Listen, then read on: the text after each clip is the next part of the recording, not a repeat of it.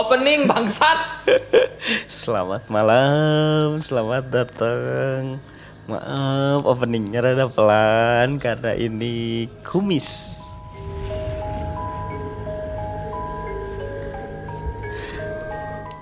Kami dari komentar Soto, Demas dan Dea, kembali lagi dengan segmen Kumis, Kupas Misteri. Kumis, Opi, au. Bang Opi maaf, Bang Opi di bawah-bawah.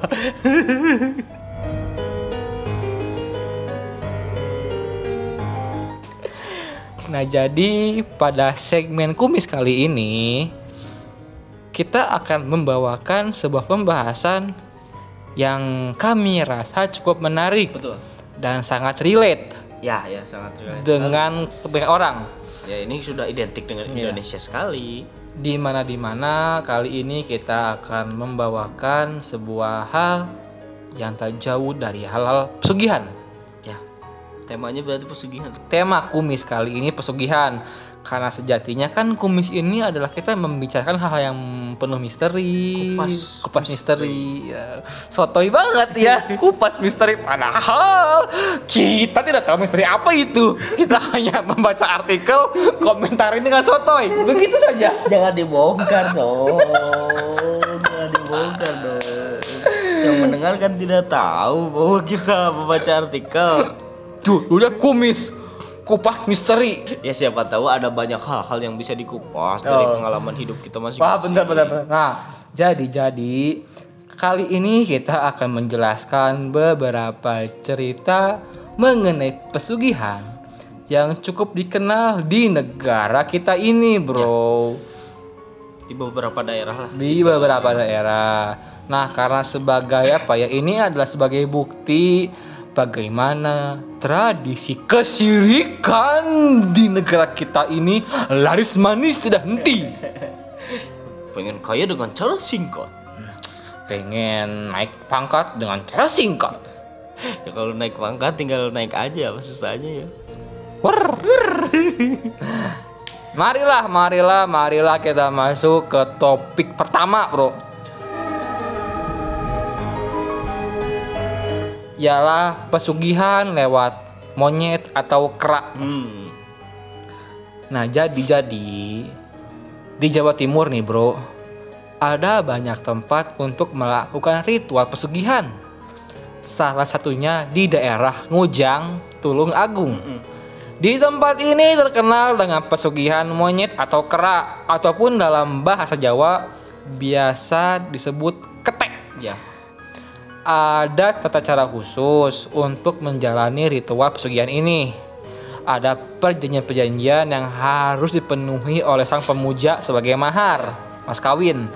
Di antaranya ialah syaratnya itu adalah wajib memberi tumbal kepada makhluk gaib yang menguasai makam mujang selama si pemuja masih hidup.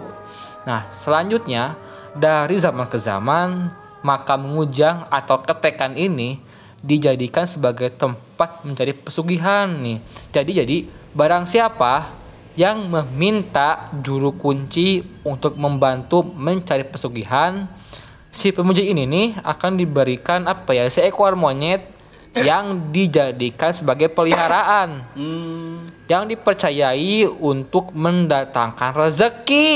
Nah, Ya. ini bagaimana menariknya, Bro. Konon kisahnya di antara monyet yang ada itu ialah jelmaan dari dua santri yang dahulu enggan untuk mengaji di pesantren. Ketika disuruh ngaji, mereka malah memanjati pohon. Terus ada bak- ada faktanya gitu bahwa itu emang benar-benar san- dua santri itu. Kan konon katanya. Konon katanya. Konon katanya, konon kisahnya. Akhirnya karena diguna-guna.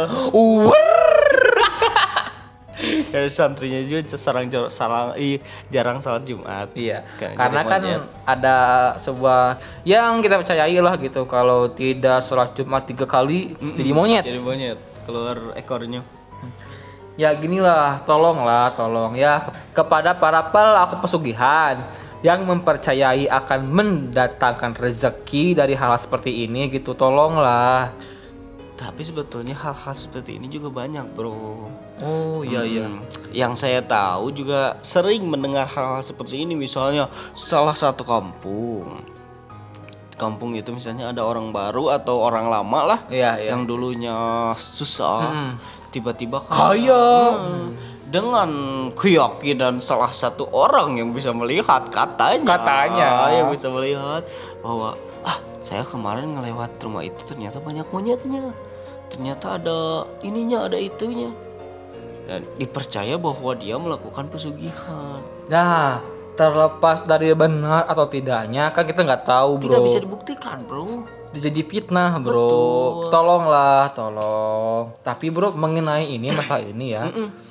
Gua pernah mendengar kisah konon katanya salah satu restoran di Bandung dipercayai melakukan pesugihan yang berkaitan dengan pesugihan ketek atau monyet ini.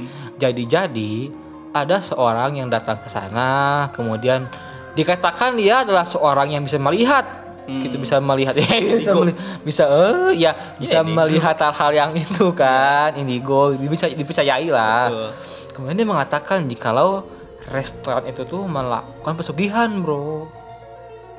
Tapi kan kita nggak tahu. Gak, gak, gak tahu hal seperti ini tidak bisa dibuktikan. Mau lapor ke polisi pun Iya. susah. Sekarang bukan ini. Jadi di Cianjur juga sebetulnya ada eh, hal seperti ini. Ada satu restoran yang terkenal. Oh iya. Jadi eh, Dia percayai gitu. dipercayai di atasnya itu banyak monyet yang berkeliaran seperti itu kan. Hmm. Mungkin saja si monyet itu kalau ini bisa mengundang para yang mau ini yang lagi kelaparan Hmm. untuk ke sana kenapa tidak mengundang kucing yang bisa bergerak itu dong. itu kan Oh, mengundang- iya. kalau orang Iya. Cina kan pakai kucing itu untuk Iya, iya. mengundang tapi orang-orang yang pesugihan Pakai kan monyet. monyet jadi begini bro ceritanya kalau misalnya makan di situ enak tapi ketika dibawa ke Hmm. Bungkus, rumah nah. katanya jadi tidak enak Tapi- apakah itu perasaan karena sudah ada omongan dari sana dan kita meyakini oh benar ya tidak enak padahal habis juga Tapi kalau ada sebuah penjelasan yang cukup logis mengenai kenapa jika makan di tempat enak dibawa pulang tidak enak. Iya. Ada sebuah penjelasan gitu di mana di mana kita berbicara logis. Ketika makan di tempat tentunya makanan masih hangat betul baru disajikan. Rasa pun tentu akan lebih enak. Iya. Dan ketika dibawa pulang itu kan jauh gitu Sudah dingin ya, sudah dingin jadi kurang enak seperti itu penjelasan dan logisnya. kurang lengkap juga kalau di tempat makannya ada kecapnya ada Iya. apanya ada acarnya Kecuali jika Anda ingin membuktikan itu, Anda boleh pesan dibungkus, tapi Anda makan di parkiran, di mobil. Apakah rasanya berubah atau tidak? ya itu kan masih lingkungan situ juga monyetnya juga masih mengintip-ngintip juga Tapi kan sudah keluar restoran, bro. Sudah di ya mungkin saja hal-hal eh, mungkin saja misalnya orang-orang yang eh, berbicara bahwa di bawa ke rumah tidak enak termakan oleh yang Gosip-gosip gitu. gosip itu. Ya intinya kita mengingatkan gitu, jangan gampang lah terkena fitnah gitu. Siapa tahu fitnah itu berasal dari saingan bisnis yang Ya, bisa jadi tidak gitu, terima. betul. Ah, Iya makanya. Bisa jadi bisa jadi betul betul. makanya, makanya, makanya. Memang dipercaya ada beberapa restoran yang melakukan pesugihan ini. Tapi tolonglah gitu kita lebih berjaga, berjaga diri lah. Ya. Kita pun makan kan ada tata caranya bro di awal Bismillah, tak pakai tangan kanan makannya. Ya tolonglah berisik aja korek bangsat. Biar tidak terlalu tegang. bro. ya udahlah, kita sudahi saja masalah pertama ini. Kita akan masuk ke cerita kedua. Yaitu ialah pesugihan lewat semedi di Goa dan Makam. Semedi itu apa sih, Bro? Semedi itu seperti yoga. Wah. Jangan dong, bukan yang melakukan yoga tidak mungkin semedi. Anda berpikiran yoga itu sama dengan pesugihan? tidak, saya cuma bercanda. Tolong jangan mempertegas itu dong. Nah, nah, nah, nah, jadi jadi. Bertapa semedi itu. Jadi jadi di Gunung Selok di Cilacap merupakan wisata yang nyaman mengasihkan dan unik. Karena lokasi ini menyajikan perpaduan keindahan alam berupa hutan, bukit, gua-gua alam, juga benteng peninggalan Jepang yang konon katanya ada 25 benteng. Benteng Takeshi dong peninggalan Jepang. Berarti di sana ada ini Yang mulia. Yang mulia. Rekaman di sana juga kayak benteng Takeshi. ada rintangan-rintangannya juga. Nah, nah jadi ini jadi nih wisatawan yang datang berkunjung biasanya mempunyai minat berziarah atau ingin bersemedi di petilasan ataupun makam yang ada di gua-gua tersebut. Petilasan yang banyak dikunjungi yang dan dianggap keramat adalah Padepokan Jambe 5 dan Padepokan Jambe Pitu. Goa yang ada di sana setiap hari dikunjungi wisatawan untuk berziarah dengan tujuan yang beraneka ragam. Ada yang menginginkan pangkat, menginginkan kemuliaan, mengharapkan kesehatan, dan juga ingin punya jodoh serta usahanya lancar dan sebagainya lah. Pokoknya macam-macam lah, Bro. Ya intinya memperkaya diri lah itu. Ya tolonglah he tolong. Dengan anda meminta sesuatu kepada yang selain Tuhan itu sudah apa ya sudah sudah tidak baik sudah menduakan Tuhan. Itu sudah, sudah bukan hal yang baik murtad ya. Jadi ya gini lah bro gitu ya. Anda ingin ziarah ke makam yang bagus lah mendoakan para mereka yang sudah hal yang positif. Tentunya tetapi dengan anda meminta hal-hal lain seperti pangkat kemuliaan kesehatan jodoh usaha lancar Anda ingin pangkat, tapi dalam kerjaan Anda Anda eh, leha-leha, tidak kerja keras, tidak mungkin. Anda ingin kemuliaan, tapi dalam diri Anda tidak ada sifat kemuliaannya sama sekali. Anda ingin Kesehatan. kesehatan, tapi hidup sehat Eh, tolong Betul. Anda memberikan buahnya kenapa kepada mereka? Kenapa tidak Anda makan, Makan sendiri. Betul. ingin punya jodoh. In jodoh? Apakah ada orang-orang yang Cewek- ganteng cewek cantik. di sana? Dan tidak mungkin. Cewek cantik mana ada yang ke makam? Eh tapi ada juga bro. Jangan-jangan ada. Ya siapa tahu juga. Cobain yuk. Ada yang pesugihan bangsa. Ingin punya jodoh makanya nongkrong di mall. Usaha anda eh tolong perbaiki diri anda mandi yang rajin. Iya betul. Betul.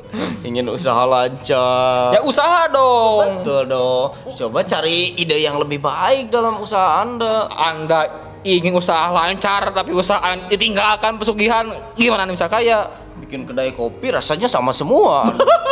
Ya gimana mau lancar ya? Semua juga sama kayak gitu. Coba anda bikin es kopi pakai boba. Boba itu kambing lancar itu kayak di amuk masanya.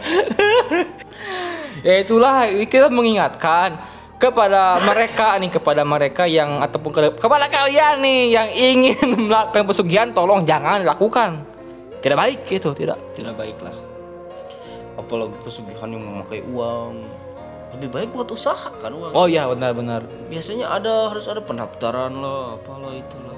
Lebih baik uangnya dipakai buat usaha lebih bagus. Nah nah jadi nih masalah ini masalah pesugihan di makam susah sudah di sini. Kita masuk ke pembahasan ketiga bro. Pesugihan lewat ritual seks. Nah ini. Cukup menarik ini bro karena ini adalah salah satu ritual pesugihan yang sangat terkenal di Indonesia bro. Banyak yang mau juga Nah. dengan hal-hal nah jadi-jadi nih di Gunung Kemukus yang berada di Kecamatan Sumberlawang Kabupaten Seragen Jawa Tengah.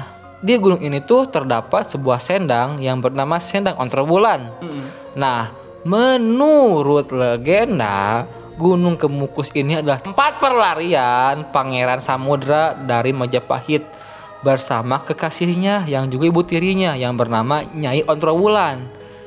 Nah, jadi ternyata bro, incest itu sudah ada di zaman dulu bro. Mm-mm. Hubungan antara anak dan ibu gitu bro. Nah, nah jadi dipercayai Nyai Ontrowulan itu sering mandi di sendang tersebut. Mencuci muka dengan air sendang ini dipercaya bisa membuat awet muda. Dan yang paling kontroversial itu adalah di Gunung Kemukus ini ada sebuah ritual pesugihan yang berbau seksual di mana di mana untuk mendapatkan hasil maksimal konon para pencari pesugihan ini harus berhubungan seks dengan lawan jenis yang juga sedang mencari pesugihan. Lawan jenis ini Ini berbau pornografi sebetulnya. Iya, tapi nggak apa-apa ini sebagai anggap saja ini hal informatif, bro. Nah, lawan jenis ini bisa jadi bukan suami atau istrinya. Ya jelas lah kan ini sudah diceritakan. Tolong, tolong. Ah. Dan konon katanya ritual ini pun mengenang cinta terlarang Pangeran Samudra dan Nyai Ontrowulan. Ini aduh, bro. Ini apakah hanya untuk pengalihan bahwa bisa mereka bisa melakukan hal seks di, di tempat itu? Bisa jadi ini adalah sebagai apa sebagai Kedok saja. Iya kedok di mana mereka ingin melakukan hubungan seks dengan yang bukan sahnya pasangan Betul, sahnya gitu kan. Akhirnya mereka meng- tidak perlu di hotel, Iya, tidak perlu di penginapan.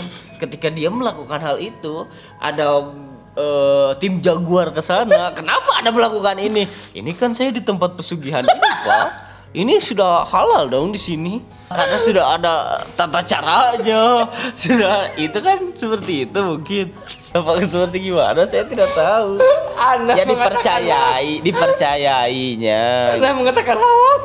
Iya kan dari statement barusan kan seperti itu. Apakah pesugihan, Ya, bro? tidak.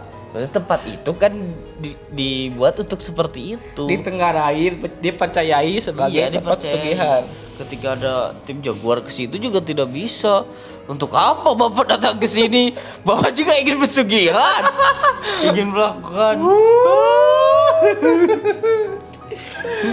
Nah, nah jadi jadi nih jadi ada pula pesugihan jenis ini yang aneh karena melakukan ritual seks alam gaib. Awalnya akan terjadi persetubuhan antara laki-laki dan perempuan yang bersedia mengandung benih. Persetubuhan ini setengah gaib sifatnya. Tidak harus benar-benar menyetubuhi atau disetubuhi oleh seseorang lain secara fisik. Kalau hal yang ini yang Hmm. Anda utarakan saya tidak percaya sebetulnya ketika ada seorang manusia bisa berhubungan seks dan bisa mengandung bayi gaib itu tidak percaya saya. Apakah nanti ketika si bidan mengeluarkan bayi gaib itu kan aneh sekali, bro. Aneh sekali di film-film kan ada Iya. seperti itu tapi mustahil menurut saya. Karena sejatinya Tuhan itu telah menciptakan jodoh manusia. Iya. Tuhan telah menciptakan jodoh kita dari macam-macam jenisnya, sama-sama jenisnya. Manusia dengan manusia, ya jin dengan bangsa jin sendiri gitu kan. Jadi dengan perempuan. laki-laki dan perempuan hmm, Kalau laki-laki dengan laki-laki gimana bisa hamil dong? Nah, tapi mengenai cerita ini, Bro, apakah Anda mempunyai sebuah cerita yang Banyak, berkaitan? banyak. Coba coba coba ceritakan cerita Anda.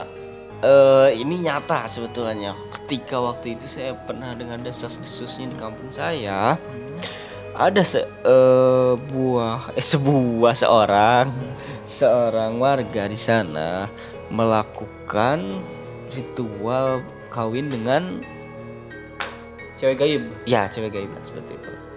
Dia sampai menyediakan tempat untuk si cewek gaib tersebut. Misalnya di loteng di loteng rumahnya. Oh, ini sebuah tempat. Kamar lah satu Iya. kamar khusus lah. Biasanya kan seperti itu. Satu kamar khusus yang tidak boleh eh, dimasuki oleh anaknya atau siapalah Un- cuma untuk si istri gaibnya itu. Gitu kan. Setiap malam dia selalu membawakan makanan buah-buahan kopi segala macem di situ. Dan dipercaya sih dia ingin kaya sebetulnya tapi kalau dilihat nggak kaya kaya juga bro jadi gagal lah gitu. Ya siapa tahu juga kak si cewek gaibnya juga ini miskin keturunan miskin juga. salah juga dia. Anda salah juga memilih pasangan gaib. Anda sudah salah memilih jalan, Salah salah memilih memilih pasangan juga. Ah, memang Anda. ada ada juga cerita yang pernah saya dengar berita ini kalau ini berita dari TV atau dari omongan-omongan orang itu kalau nggak salah ya suami istri misalnya ketika eh, istrinya ditinggal sendiri di rumah waktu itu pernah ada cerita suaminya keluar atau ke mana gitu. Tiba-tiba si istri itu melakukan hubungan seksual dengan si suaminya si istri itu. Ketika sudah beres melakukan hubungan seksual dengan suaminya, suaminya kan keluar nih.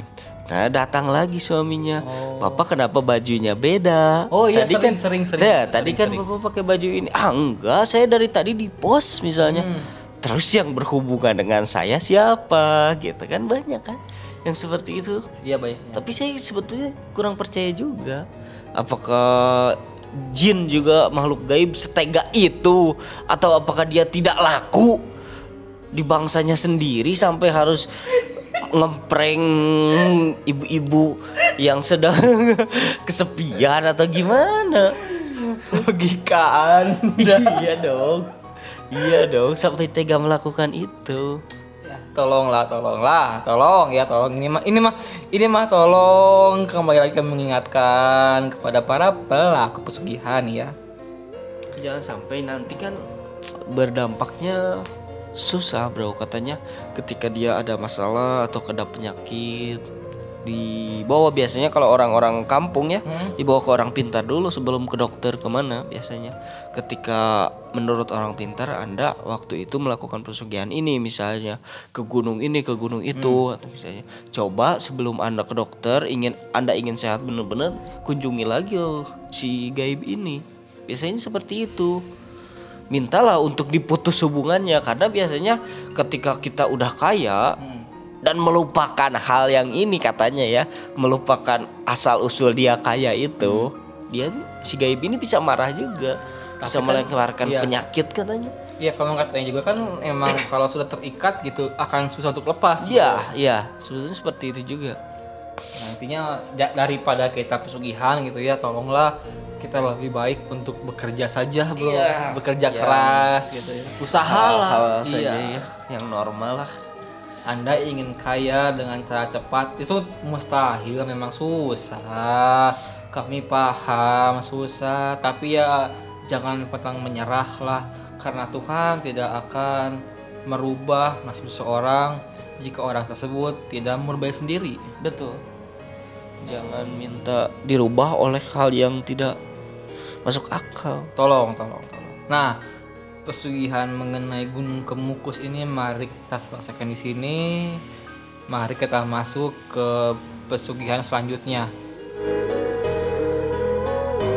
Ini adalah pesugihan yang memang cukup banyak dikenal, Bro.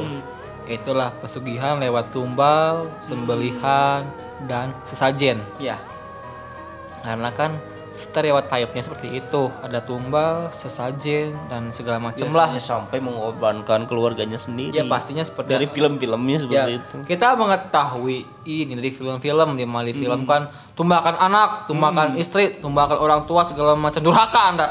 Bahkan ada yang sampai mengorbankan Jaga diri. Iya, kalau itu beda lagi dong. mengorbankan hewan peliharaan. Oh iya iya. Ada juga, Bro. Kambing tiba-tiba mati dan bukan kambing dia dong, jelas kambing orang lain. Tiba-tiba ma- mati. Katanya, ah, ini karena seorang itu melakukan pesugihan ini. Kambing saya tiap malam ada yang mati satu. Ada juga, Bro. Dan diangkat ke film juga seperti itu. Nah jadi di Gunung Serandil yang terletak di Kecamatan Adipala, Cilacap, Jawa Tengah ini tuh menyimpan sebuah kisah dan mitos, bro. Selain dipercaya sebagai petilasan tokoh-tokoh sejarah seperti Kunci Sari dan Danasari yang merupakan pengikut roti juga nggak? Mah itu beda. Ti roti, roti saya roti, teroret. Bangsat anda. Nah jadi apa ya? Selain dipercaya sebagai petilasan tokoh sejarah ya Kunci Sari dan Danasari ini, Nagasari. tolong bro, Kita sedang kumis. kita sedang kumis tolong.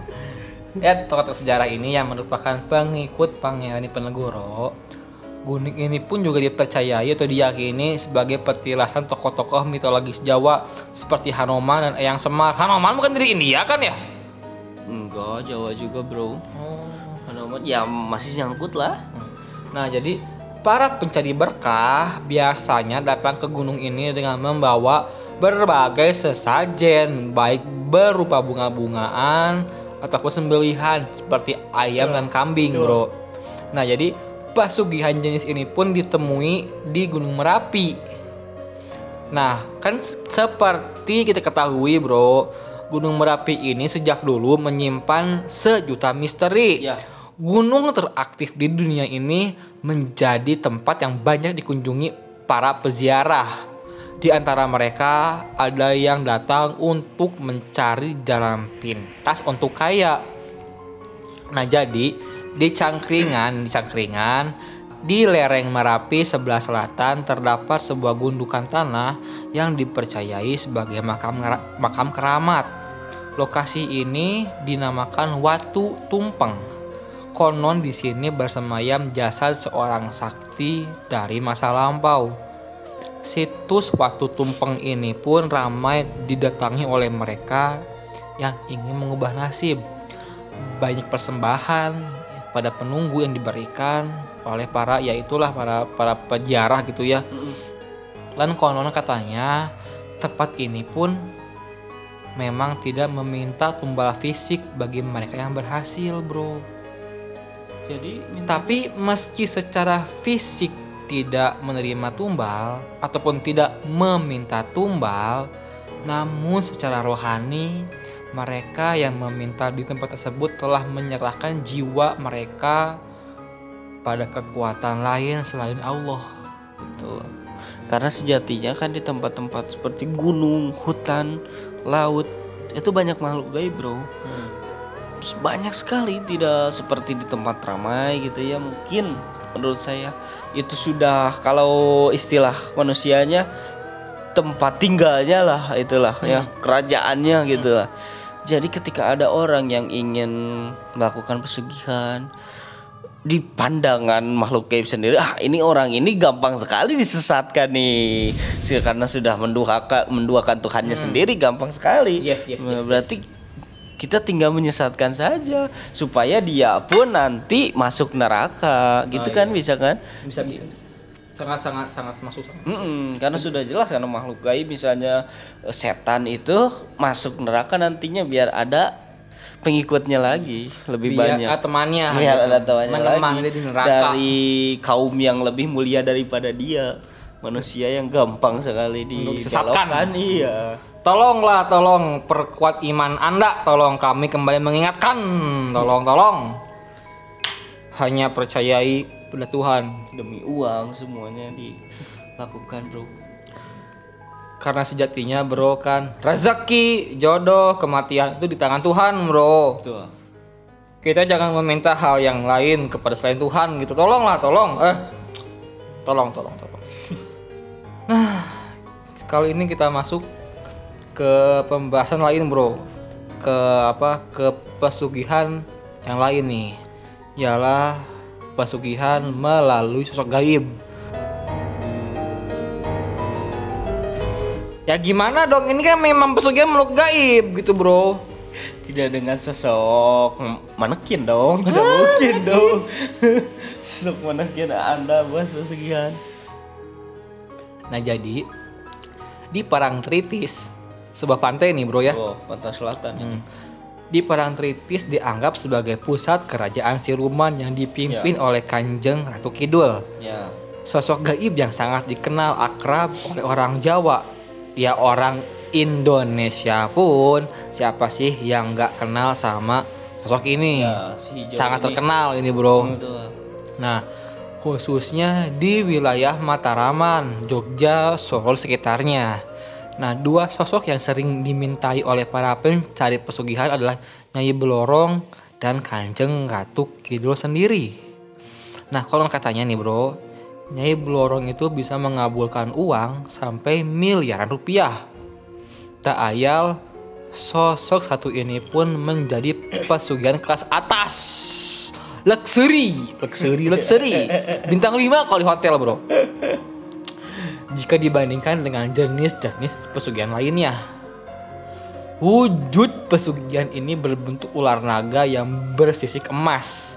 Nah, yang lebih dahsyat, Bro, bila pemilik pesugihan melakukan hubungan badan dengan ular blorong tersebut, maka sisik-sisik yang berupa emas dan permata itu akan rontok di tempat tidurnya. diambil. Bisa diambil, Bro. namun, namun ternyata semua itu harus ditukar dengan pengorbanan tumbal nyawa. ini ini yang selalu jadi kenapa orang mau melakukan ini demi tumbal kalau emang beneran ada ya Iya. tega gitu melakukan hal demi uang mengorbankan keluarganya bahkan dirinya sendiri Tolonglah ya, tolong. terus nih. anda mau menikmati uangnya untuk siapa Anda serakah sekali. Anda sudah pesugihan, uangnya sendi untuk sendiri. Tolong, tolong, tolong.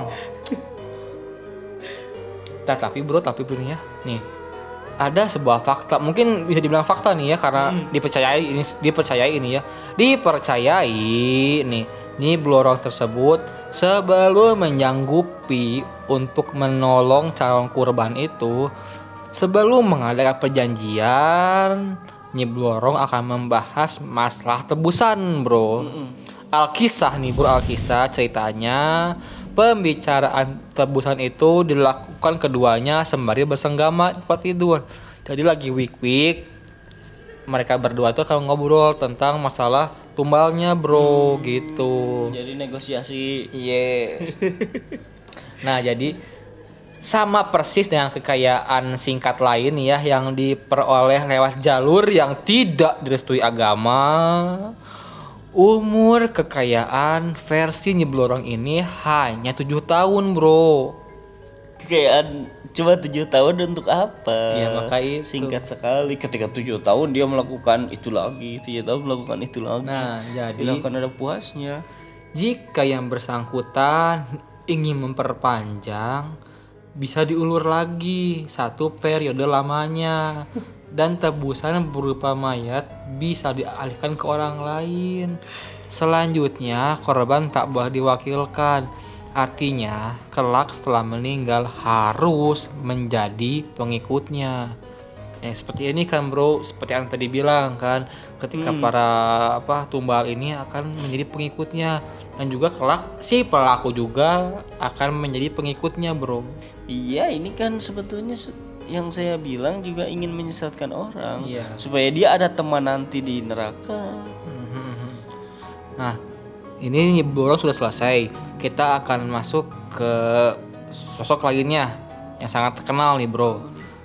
Sedangkan nih bro, Kanjeng Ratu Kidul itu dikenal lebih belas asih. Mm-mm.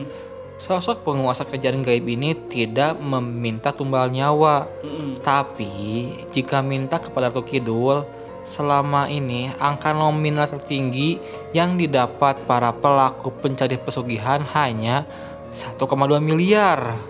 Oh jadi ada batasnya bro. Jadi kalau pesugihan ini, para pelaku ini meminta kepada Nyi Ratu Kidul Maksimalnya. maksimalnya hanya 1,2 miliar.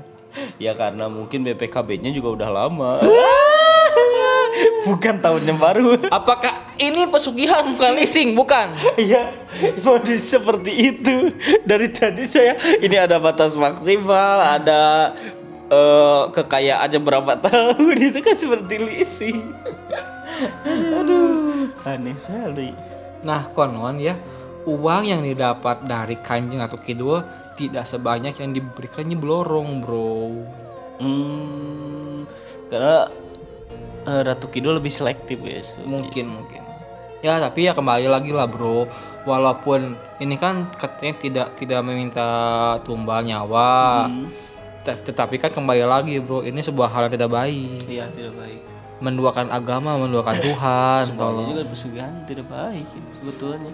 Ah, ya itu. Penting marketing dari Jiblorong dan Ratu Kidul tidak terlalu saling sikut menyikut ya untuk mencari pasien pasien yang bisa disesatkan Sudahlah anda ke sini saja Batas maksimalnya 7 tahun nih Tapi ininya bisa sampai 5 miliar Katanya Beloro Perang marketing. Gak tahu Perang marketing bangke. Nah, nah ini bro. Yang terakhir bro, terakhir bro. Mm-mm. Pesugihan lewat jimat atau takmimah.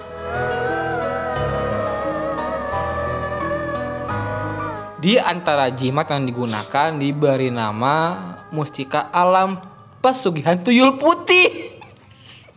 Tuyul putih. Banyakan makan bedak Bedaknya bedak salisi lagi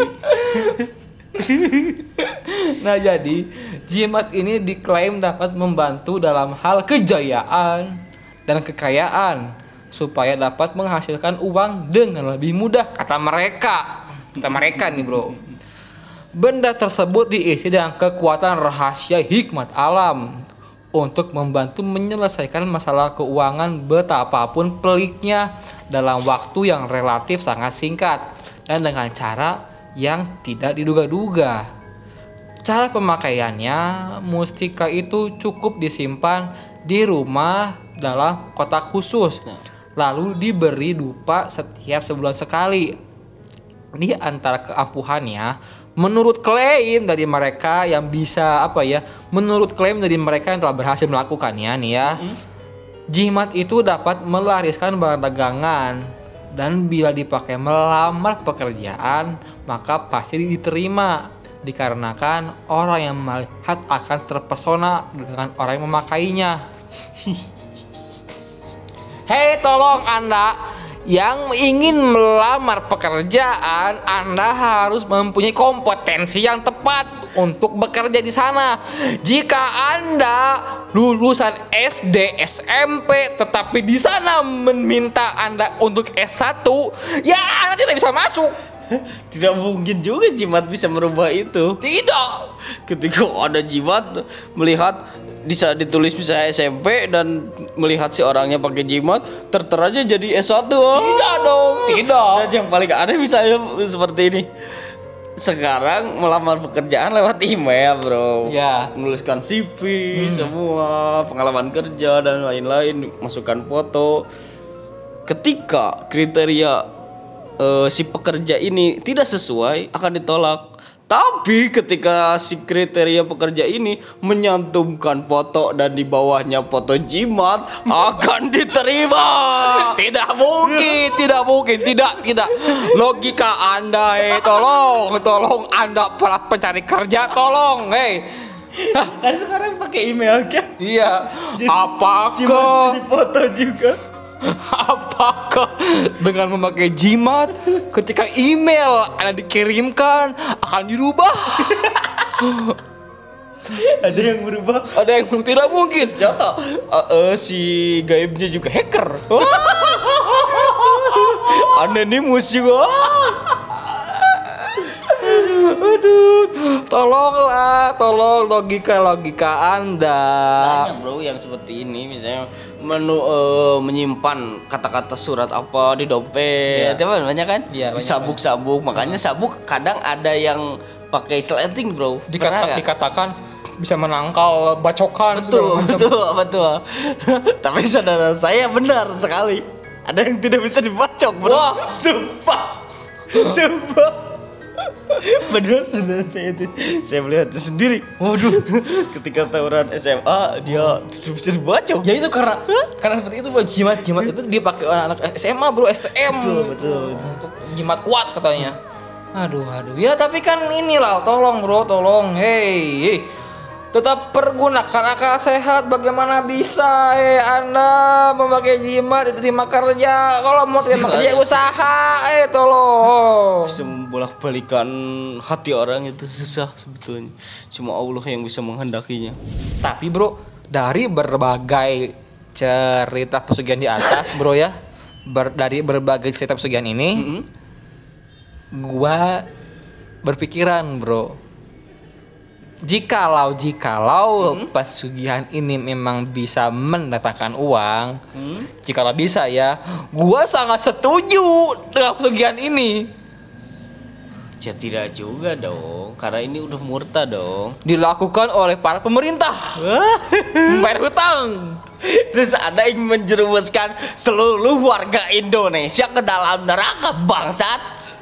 Ya ini kan tanggung jawab kita semua. Ketika pemerintahnya tidak benar, semua rakyat juga kena dong. Nah, begini bro, jika jika lau nih sekian benar daripada kita banyak hutang negara lain ke bank dunia kenapa kita tidak melakukan pesugihan tumbangnya para koruptor Nah, kita negara Islam goblok. Kenapa Anda membuat itu? Kenapa Anda tidak mem- memikirkan pemerintah tolong dong bikin YouTube nanti aksennya Anda berikan kepada hutang dong? Bisa kan seperti itu kan? bisa. Kenapa pemerintah tidak mem- memikirkan hal itu? jadi di, dengan statement saya barusan kalau pesugihan bisa menetapkan uang gitu ya tapi kenapa tidak dilakukan pemerintah sejak lama? Jadi pesugihan ini bodong. Bohongan berarti. bohong sekali. Wow. Saya kebayang seperti ini. Ketika pemerintah kita melakukan pesugihan misalnya harus memakan tumbal koruptor. Koruptor koruptor sudah habis tiba-tiba kita sedang berjalan dan eh mati. Ah saya kena tumbal saya kena tumbal anjing. Demi hutang negara. Kita bukan demi negara? Jadi abdi negara. Di PNS aduh. Dan sudah tertera kepada keluarga saya Eh, maaf saudara Dea kemarin saya tumbalkan dan sebagai gantinya akan mendapat uang pensiun sejumlah. Ah bangsat sekali. Pensiun? Ya ya ya itu kan dari tanggung jawab negara saya dikumpul ditumbalkan. Jaminannya uang pensiun. Sampai berapa tahun? Jadi jadi ini semua pesugihan ini adalah hal tidak baik. Tolong benar bagi- atau tidak aja tidak bisa tidak bisa dibuktikan. dibuktikan, tidak bisa. Tidak bisa, tidak bisa kita buktikan nih hal yang tapi jikalau jikalau nih bro ya ini adalah sebuah hal tidak baik bro. Karena menyekutukan Tuhan bro. Tidak tidak baik ini. Ya, hal tidak baik. sebuah hal yang tidak patut untuk dilakukan. Ah. apalagi sudah eh, menumbalkan keluarga. Tolong tolong. Bahkan orang yang tidak anda kenal sekalipun anda tumbalkan kan itu goblok sekali. Tolol anda. Memikirkan dunia saja anda Ya, jadi intinya bro, konklusinya dari episode kali ini adalah pesugihan itu tidak baik dilakukan. Ya iyalah, tidak baik. Oh, baik. tidak baik, tidak baik. Tolong bagi kalian para pelaku ataupun para yang berniat untuk melakukan pesugihan ketika kalian dilanda berbagai masalah, tolong pertebal iman Anda. Yuk perkuat lagi sholat anda ibadah anda gitu kan. Mencari rezeki yang halal gitu. Jika ingin kaya usaha yang kuat jika ingin diterima kerja ya anda kompetensi harus di di apa dibaguskan lagi kompetensinya jika mencari jodoh gitu usaha lagi. Itu. mandi yang rajin. Kalau anda sudah eh, sering ditolak perempuan ngaca. dia jangan melampiaskan anda menikahi sosok gaib dong. Ditolak manusia jadi kawin sama gaib. Tolong anda. Inilah sosok kelucuan di negeri kita bro. Ya. Itulah kita udah hampir 45 menit ngebahas satu pesugihan. Mari kita tutup, kita closing saja bro. Coba closing bro. Terima kasih yang sudah mendengarkan kumis di malam Jumat ini. Terima kasih. Ya, tolong dengarkan podcast kumis ini sebelum Anda week-week di malam Jumat. Karena podcast ini sangat inspiratif, informatif, Skotomotif. itu lagi. ya itulah intinya. Terima kasih telah mendengarkan kami podcast komentar sotoy. Pamit undur diri sampai berjumpa di acara kumis selanjutnya. Kumis Opi. Au.